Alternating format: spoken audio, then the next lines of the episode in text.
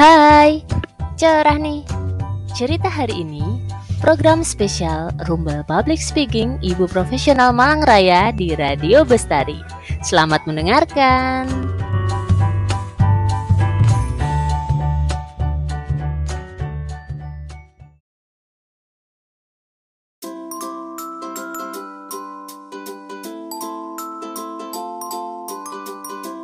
Assalamualaikum warahmatullahi wabarakatuh. Hai ayah bunda, selamat pagi, selamat siang, atau selamat malam ya nih enaknya. Bagaimana kabarnya hari ini? Semoga selalu dalam keadaan sehat dan juga semangat ya. Kita kembali lagi di Cerah nih Cerita hari ini bersama saya Rahma Linggarjanti, member Public Speaking Ibu Profesional Malang Raya pada kesempatan kali ini, saya akan berbagi tips agar balita cinta buku. Nah, di sini ada nggak sih yang balitanya cinta buku banget? Ke mana-mana pasti bawa buku. Wah, menyenangkan sekali ya, karena di Indonesia menurut data UNESCO, minat bacanya sangat rendah. Jadi, mari kita galakan cinta buku sedini mungkin. Yuk kita simak 10 tips agar balita cinta buku. Yang pertama, memberi buku-buku cerita yang menarik. Anak-anak pasti suka buku-buku yang bergambar dan juga berwarna. Untuk balita, sebaiknya kita berikan buku-buku yang board book ya. Yang kedua, membuat perpustakaan mini. Kita bisa siapkan buku-bukunya di satu tempat agar anak-anak bisa mudah mengambil buku dan juga mengembalikan. Nah, yang ketiga, membacakan cerita secara berkala. Biasanya anak-anak suka loh didongengin kalau malam hari sebelum tidur. Tips ini bisa dicoba bunda. Kita lanjut ya. Yang keempat, bermain tebak-tebakan cerita. Hmm, kalau ini ayah bunda dituntut untuk lebih kreatif lagi untuk membuat tebak-tebakan cerita.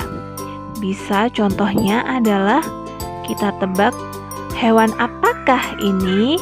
Kita bisa memberikan ciri-ciri hewan tersebut lalu anak-anak diajak untuk menebak hewan yang kita sebutkan ciri-cirinya.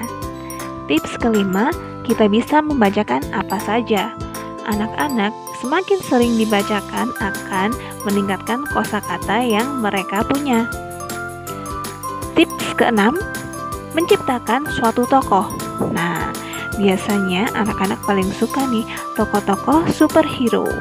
Kira-kira anak ayah bunda sukanya tokoh apa ya? Kita lanjut yuk ke tips ketujuh. Tips ketujuh adalah anak-anak mencoba untuk menceritakan kembali cerita yang sering kita bacakan. Hmm, ini bisa jadi nanti alur ceritanya akan berbeda ya ayah bunda. Tapi bukan itu goalnya karena kita akan menguji anak-anak untuk berani menceritakan kembali cerita yang sudah pernah didengar. Kita lanjut yuk ke tips selanjutnya adalah membuat buku cerita bersama.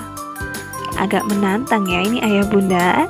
Nah kita bisa membuat cerita yang sederhana Lalu kita juga bisa menggambar mewarna bareng anak-anak. Ini bondingnya kuat banget loh.